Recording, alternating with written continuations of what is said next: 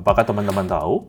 Menurut statista.com, Indonesia merupakan pengguna internet terbesar keempat di dunia setelah China, India, dan Amerika Serikat. Jumlah pengguna internet di Indonesia pada kuartal 1 tahun 2021 adalah sebesar 171,26 juta orang. Statista.com juga memprediksi bahwa penetrasi internet di Indonesia akan mencapai 82,53 persen pada tahun 2026. Artinya, internet sudah menjadi bagian penting dari keseharian masyarakat Indonesia.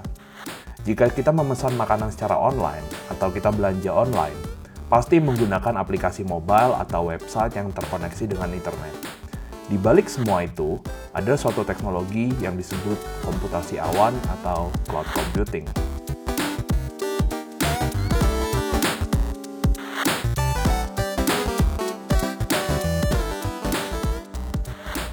Nama saya Teddy Aryono, dan selamat datang di podcast tentang awan.